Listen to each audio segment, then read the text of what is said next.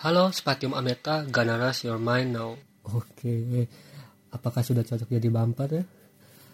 Um, senang banget bisa rilis lagi, apalagi ngeliat masukan dari beberapa teman tentang episode perdana kemarin, dan mudah-mudahan ke depannya bakal improve terus supaya lebih baik. Ngomongin, ngomongin, ngomong, ngomongin hasil analisis podcast episode sebelumnya, lumayan juga sih. Dan di episode ini mau ngomongin hal yang berat-berat tapi dibawa tetap santuy. Nah, ide episode ini muncul karena baru aja nyelesain baca buku autobiografinya Malcolm X. Malcolm X sudah benar nggak? Yang ditulis oleh Alex Haley dan menjelang buku ini mau selesai dibaca, itu di Amerika muncul kasus pembunuhan pria kulit hitam bernama George Floyd oleh polisi berkulit putih. Nah, kasus tersebut memunculkan gerakan Black Lives Matter merasa relate dengan kejadian itu dan buku yang sedang dibaca saat ini jadinya nyoba untuk mencari keterkaitan dari kisah hidup dan bagaimana sih pemahaman Malcolm X mengenai rasisme di Amerika. Dan nggak ada salahnya juga menerapkan hal yang sama dengan permasalahan rasisme di negara kita khususnya teman-teman dari daerah timur. Nah di episode ini bakal jelasin siapa itu Malcolm X berdasarkan buku yang ku baca mungkin lebih terdengar seperti resensi buku. Tapi begini garis besar isi bukunya itu bercerita tentang Malcolm X yang dimulai dari sebelum kelahirannya itu ada yang unik. Yaitu rumahnya tuh pernah diserang oleh kelompok penunggang kuda dari Ku Klux Klan. Ku Klux Klan KKK yang bertujuan memperingatkan ayahnya agar meninggalkan rumah mereka di Omaha, Nebraska, salah satu daerah di negara bagian Amerika ya. Nah setelah Malcolm lahir tuh keluarganya tuh pindah dari sana. Ya ngebayangin gak sih uh, keluarga lagi anteng-anteng di rumah ada sekelompok ekstremis rasis mengusir dari rumah kalian itu dikarenakan warna kulit.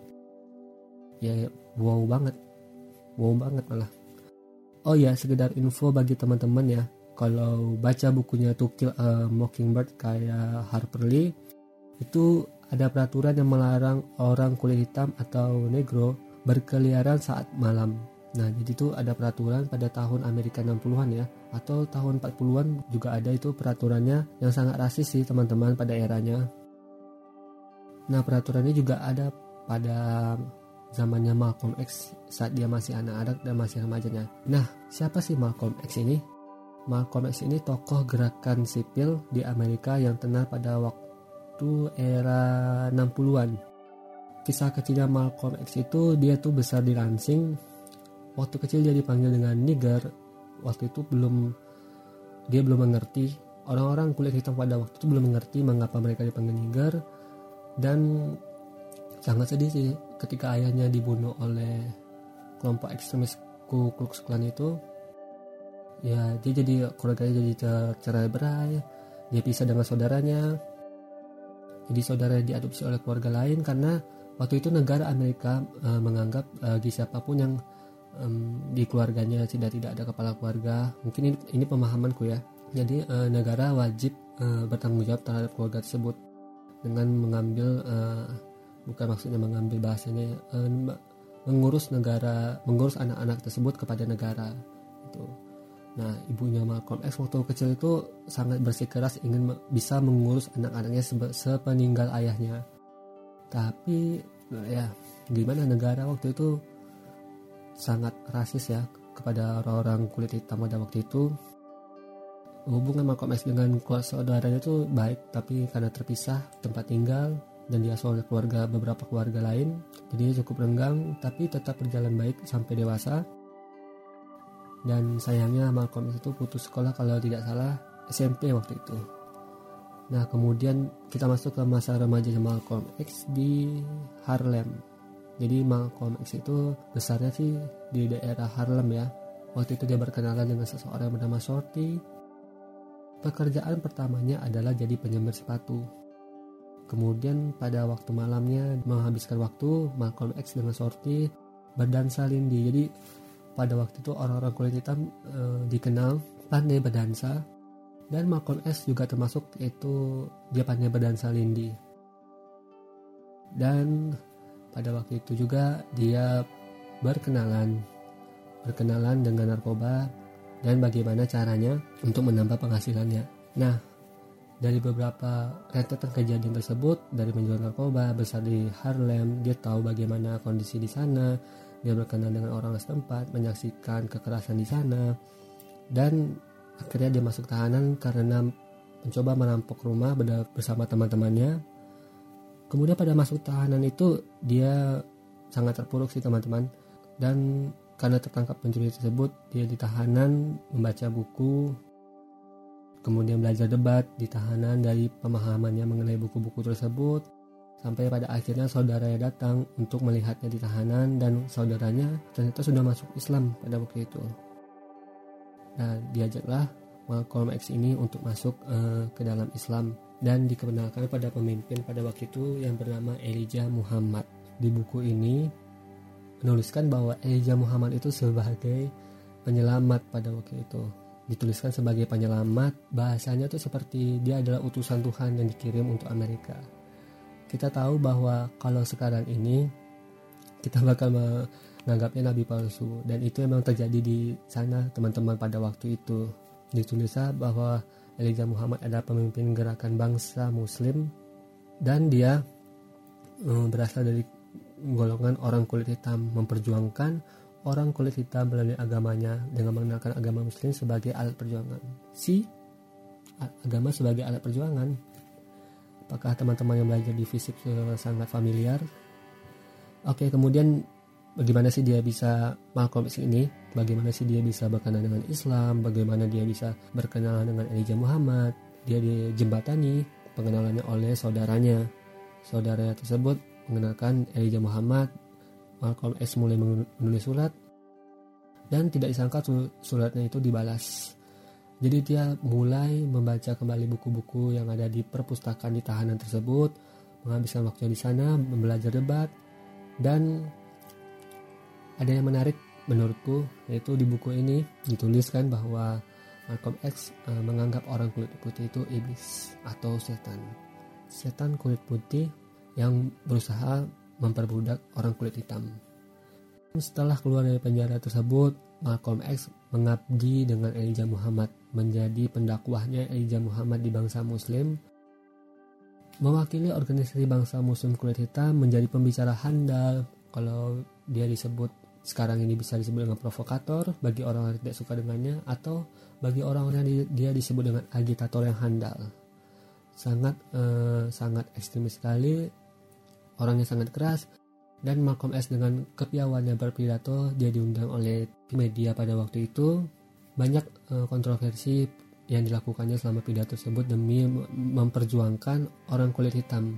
Lama kelamaan Malcolm X akhirnya terpikir untuk mengikuti ibadah haji. Untuk mengikuti ibadah haji ini dia meminjam uh, uang kepada saudaranya itu Ella dan dia ber pergi beribadah ke Mekah. Kemudian sampai di sana dia berkenalan dengan pemimpin negara lain, berkenalan dengan saudara-saudara muslim yang lain, dan dia disambut baik di Arab Saudi. Di sana dia belajar sholat sebelum haji, dia belajar bagaimana berinteraksi dengan berbeda orang yang berbeda budaya, dan di situlah terbuka pikirannya teman-teman. Jadi Malcolm X yang selama ini sangat keras, sangat ekstremis terhadap orang kulit putih, dia menganggap beribadah haji dari Mekah di sana bahwa semua orang itu sama baiknya semua itu semua orang itu setara tidak peduli apa warna kulitnya apa, apa rasnya dan dia mengakui dia tidak rasis lagi kepada orang kulit putih selama orang kulit putih berbaik saja dengan orang kulit hitam karena pada awalnya tuh dia sangat kalau boleh mengatakan dia sangat rasis kepada orang kulit putih sepeninggal dari ibadah haji dia dia berubah nah karena pikirannya terbuka banyak pemahaman baru, dia disambut dengan baik di sana. Kemudian dia mulai berdebat atau mulai berlawanan arah dengan Elijah Muhammad beserta pengikutnya. Pernah pada waktu itu Malcolm X ini atau nama lainnya adalah H. Haj Malik El Sabas. Itu nama yang diberikan setelah dia pulang dari beribadah haji di Mekah. Malcolm X pernah dibungkam oleh uh, pengikut uh, bangsa muslim bangsa muslim kulit hitam oleh Elijah Muhammad sendiri karena waktu itu berbicara tentang pembunuhan John F Kennedy mendapat peringatan tersebut dia dihukum dan lama kelamaan dia semakin berlawanan arah dengan bangsa muslim kulit hitam mendapat teror tapi di lain sisi pengikutnya semakin banyak orang-orang yang masuk agama Islam di Amerika semakin banyak baik dari kulit hitam maupun dari kulit putih. Yang sedihnya di akhir hidupnya Malcolm X itu e, mati ditembak saat sedang berbicara di sebuah hotel. Apa sih uh, yang bisa ditarik dari garis besar kehidupannya Malcolm X ini? Kalau kita bahas satu persatu dari sisi agama menarik memang bahwa agama itu menjadi alat perjuangan alam agama itu menjadi alat pembebas. Tapi di bagian sisi lain bangsa muslim kulit hitam agama tuh kayak menjadi candu gitu. Orang-orang yang ekstremis bisa dibilang radikal tapi orang-orangnya bukan agamanya teman-teman. Dan waktu itu mungkin ada pemahaman yang salah terhadap uh, perkembangan Islam di Amerika karena menganggap Elijah Muhammad sebagai utusan Tuhan, sebagai nabi malah. Di sisi lain, um, perjuangan orang-orang kulit hitam ini untuk melawan rasisme di Amerika itu sangat luar biasa ya. Karena dibahas bahwa orang-orang kulit hitam sebenarnya tidak sadar bahwa mereka itu ditindas oleh rasisme ya. Dan mereka itu e, menerima bahwa itu suatu hal yang lumrah gitu. Dan Malcolm X mencoba membangkitkan uh, kesadaran itu. Dia juga menyindir uh, orang-orang kulit hitam yang berada di, di, di kelas paling atas. Dia menjulukinya sebagai penjilat kulit putih karena orang-orang tersebut seperti mengikuti mengikuti ekornya orang-orang kulit putih gitu apa yang orang-orang kulit putih katakan mereka sangat setuju mereka hanya iya iya saja tapi di sisi lain ada juga orang kulit putih yang sadar dan mau membantu terhadap perjuangan bangsa muslim kulit hitamnya Malcolm X untuk sama-sama berjuang. Tapi sayangnya di akhir hayatnya Malcolm X berbeda haluan dengan Elijah Muhammad selaku pemimpin bangsa bangsa muslim kulit hitam. Kesimpulannya itu adalah agama itu sesuatu alat yang bisa menjadi perjuangan. Agama itu sebagai pedang bermata dua bisa menyerang tapi juga bisa menikam diri sendiri. Dan rasisme rasisme di Amerika itu masih terjadi sampai hari ini. Kemudian yang sama dengan dia itu kalau nggak salah George Martin Luther King Jr. juga pernah bertemu dengan Malcolm X tapi sayangnya waktu itu mereka tidak bersama-sama membangun gerakan untuk melawan uh, rasisme terhadap bangsa kulit hitam gitu. Jadi mereka bergerak sendiri-sendiri. Kalau Malcolm X itu lebih kepada orang-orang yang gerakan sipil rakyat bawah. Sementara Martin Luther King itu lebih kepada kalangan atas. Itu sih perbedaannya untuk dari segi pergerakannya ya sampai sini mungkin teman-teman bisa memahami dan aku sangat merekomendasikan untuk buku Malcolm X ini eh, karangan Alex Haley teman-teman perlu tahu karena menurutku nggak banyak sih orang yang tahu sekarang ini siapa sih Malcolm X karena dia tuh besar di era 60-an gitu. Itu aja sih untuk episode ini tentang Malcolm X rasisme di Amerika. Itu sih yang bisa aku sampaikan buat teman-teman. Oh ya satu lagi mengambil intisari dari buku ini dengan memadukannya dengan keadaan di Indonesia sekarang untuk masalah rasisme di Indonesia. Karena aku juga beberapa pernah berkenalan dengan orang dari timur punya teman dari sana. Hal yang bisa diambil dari pengalaman Malcolm X memperjuangkan uh, pergerakannya untuk Indonesia sekarang itu kita butuh uh, keterbukaan transparansi dari pemerintah aparat media tentang kejadian di timur sana. Kita akui represi aparat masih banyak terhadap teman-teman di daerah timur. Tapi dari kita sendiri sebagai masyarakat itu juga ada yaitu kita tidak sadar. Kita tidak sadar bahwa kita berlaku rasis gitu. Jadi mari sama-sama itu toleransi terhadap umat manusia memanusiakan manusia. Cakep sekali bahasamu. Oke deh sampai itu dulu dan jangan lupa untuk uh, setidaknya baca buku. Oh ya untuk bukunya ini nggak tahu deh masih ada di toko buku mana tapi hmm, judul bukunya tuh autobiografi Malcolm X sang negro yang merevolusi dunia Islam dan kemanusiaan. Ditulis oleh Alex Haley Alex Haley anjir. Dari tadi ngomong Alex Haley Alex Haley bangsat. Sorry sorry Alex Haley kalau misalkan teman-teman ini menganggap, menganggap terlalu berat ada satu lagi novel karya Harper Lee itu judulnya To Kill a Mockingbird. Oke teman-teman selamat membaca.